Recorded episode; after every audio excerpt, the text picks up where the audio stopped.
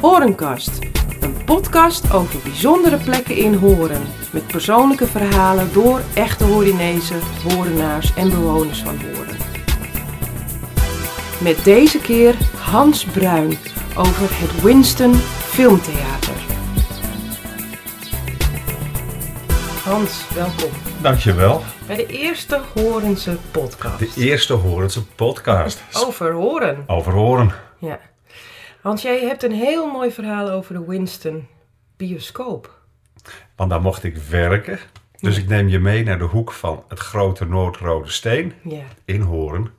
Ja, en in een ideale wereld had daar nu een prachtig filmtheater gestaan. Mooi. Met behoud van de originele Art Deco elementen. Hm.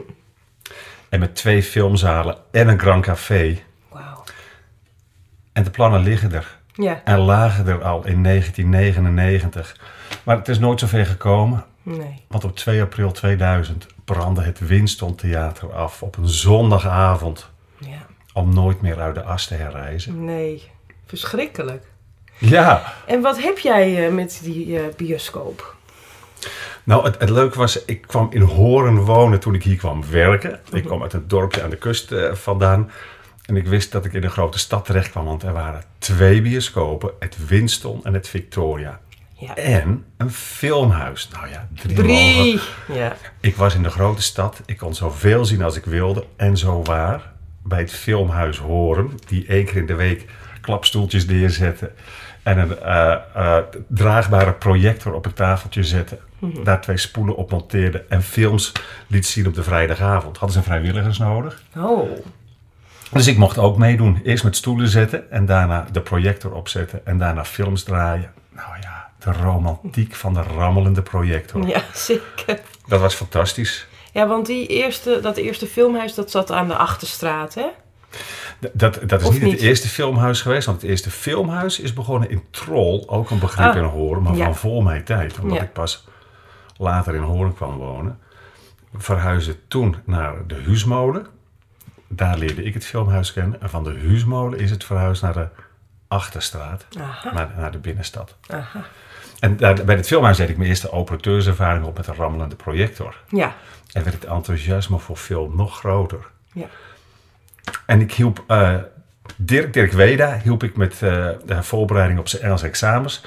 Maar Dirk deed het echte werk. Die was operateur bij het Winston en het Victoria. Oh. En daar stond natuurlijk een grote projector met grote spoelen. Ja. En daar werd zeven dagen in de week film vertoond. Ja. En alle grote films ook, hè? En alle grote films ook. Ja. Dus toen ik Dirk vroeg, Dirk, denk je dat je nog iemand kan gebruiken als collega? Zei Dirk, ik ga je voorstellen aan de eigenaars, mevrouw van Tellingen en haar zoon Griffin. Mevrouw van Tellingen bestierde het Winston, haar zoon het Victoria Theater. Ja. En En- dan zien we wel of er plaats is. Ja. Nou, en toen? Werd ik voorgesteld in de hal, ik mocht iets over mezelf vertellen.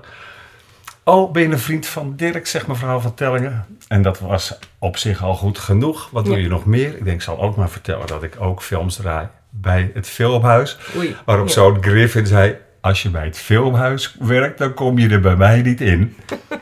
En Oh. mevrouw van Tellingen eroverheen ging maar als je een vriend van Dirk bent, dan mag je bij mij beginnen. En diezelfde avond begon ik. Zo, hé. Ja. Weet je nog wat voor film dat was? Volgens mij was dat Cape Fear Oh in ja. 1991. Ja. Oh, ik voel me wel een beetje open dat ik het nu plotseling over 1991... Maar ik denk, ik denk dat dat het was, maar ik weet niet helemaal zeker meer. Ja. Ja.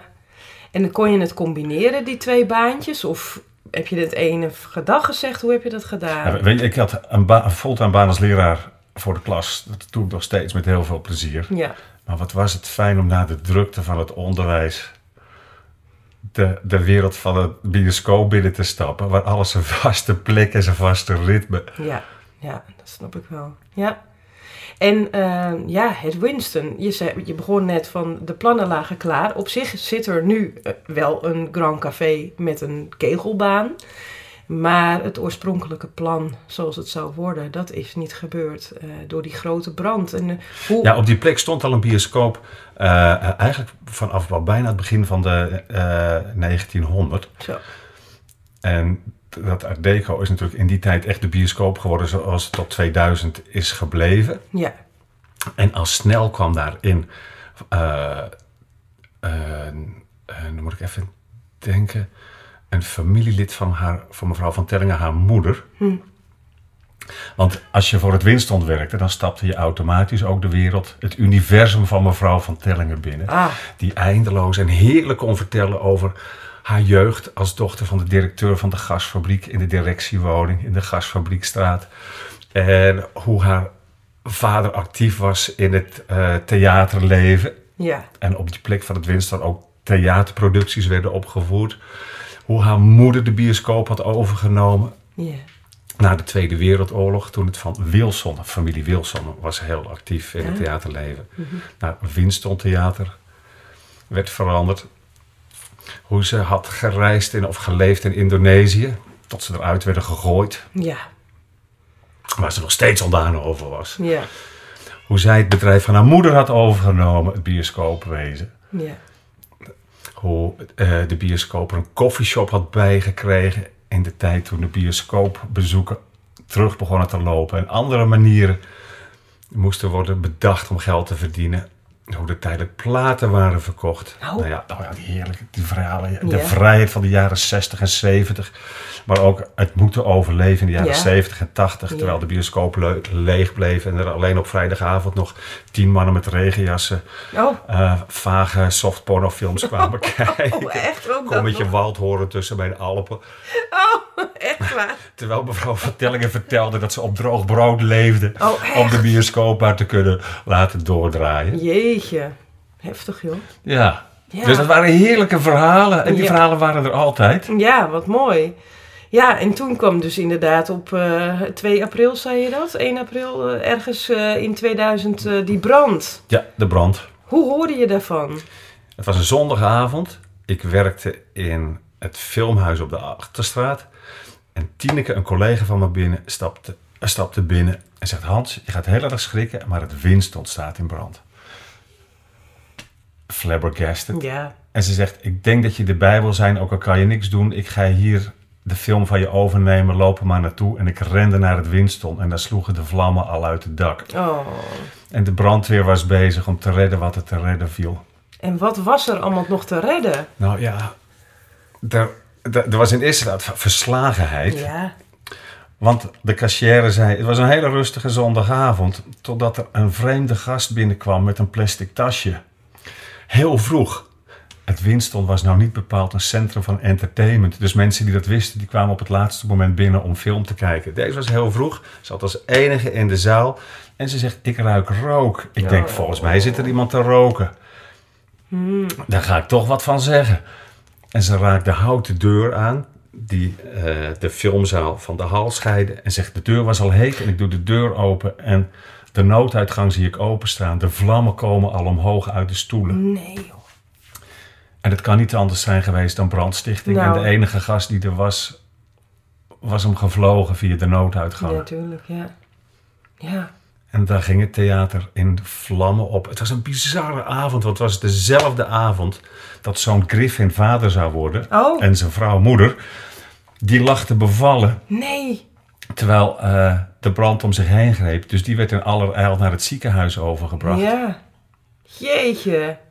Wat heftig allemaal. Het, was, het was een hele heftige, het was een heel filmisch gegeven ook. Ja, ja, ook. Ja. Ja.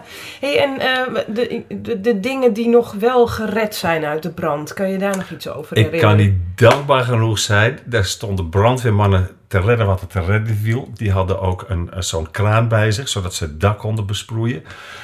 En wij hielden als operateurs, we waren met een hele groep operateurs die elkaar afwisselden om de boel draaiende te houden, hielden we dagboeken bij. En daar stond in de filmcabine een tafel vol met dagboeken. En ik vroeg, denk je dat je nog iets kunt redden van onze dagboeken? Hij vroeg meteen, hoe ziet die ruimte eruit? Waar zijn ze? Wat voor materialen zijn er in die ruimte? En hij ging naar binnen, of hij ging naar boven met zijn hijskraantje. Hij stapte door het raam naar binnen. Hij deed een graai, dat kon ik niet zien, dat kan ik me alleen maar voorstellen. Ja. Hij stapte weer naar buiten en hij kwam met een handvol smeulende boeken naar buiten. ja. En die kreeg ik zo overhandigd. Hij zegt, dit is het enige wat ik voor je kan redden. Oh, maar toch. Heb je er een mee? Ja, ik, Oh. ik vind het leuk. Het gek is, de geur van brand gaat nooit weg. Dus als je eraan ruikt, dan ruik je de brand nog. Maar ze zien er best wel goed uit nog, Hans. Het operateursboek. En iemand heeft de namen erbij gezet. Van Ja. Zijbrand, Johan, Hans, Kees, Adriaan, Timo, Barry, Marieke, Ruben en Rick, en Ruby en Sven. Wow. En dan is er ook nog Eelco. Wij hielden daar de dagboeken bij. Zo. En wat schrijf je er allemaal in op? Ja, wat schreven wij in die boeken? Eh, sowieso wat voor praktische klusjes er gedaan moesten worden. Ja, Welke bezoekers er waren. Wat we van de films vonden. Dat de poes weer eens kwijt was of verstopt zat. Eh, maar ook kleine anekdotes dat iemand binnenkwam en zei: Kan ik hier pinnen? En dat mevrouw van Tellingen dan de gast aankeek en zei: Meneer, kijk eens om u heen. Verwacht u dat u hier kunt pinnen? En daarmee was het onderwerp dan gesloten. En ook al onze fantasieën, want Vincent Theater was een prachtig theater. Al onze fantasieën, hoe dat Art Deco theater toch weer tot volle glorie hersteld zou kunnen worden. Ja. Om een plannen. juweel aan de, aan de rode steen te zijn. Oh, mag ik vertellen over een plan dat we daarvoor Ja, ja, ja. hadden? Dat, dat kwam ik hier nog tegen. Oh, wauw. Het, het was 1994 Ja. en Pulp Fiction, Tarantino, was een hit in de bioscopen. En alle operateurs vonden dat natuurlijk geweldig om kennis te maken met Tarantino, maar hij draaide niet in Horen. Hij draaide wel in de movies in Amsterdam en we maakten een plan.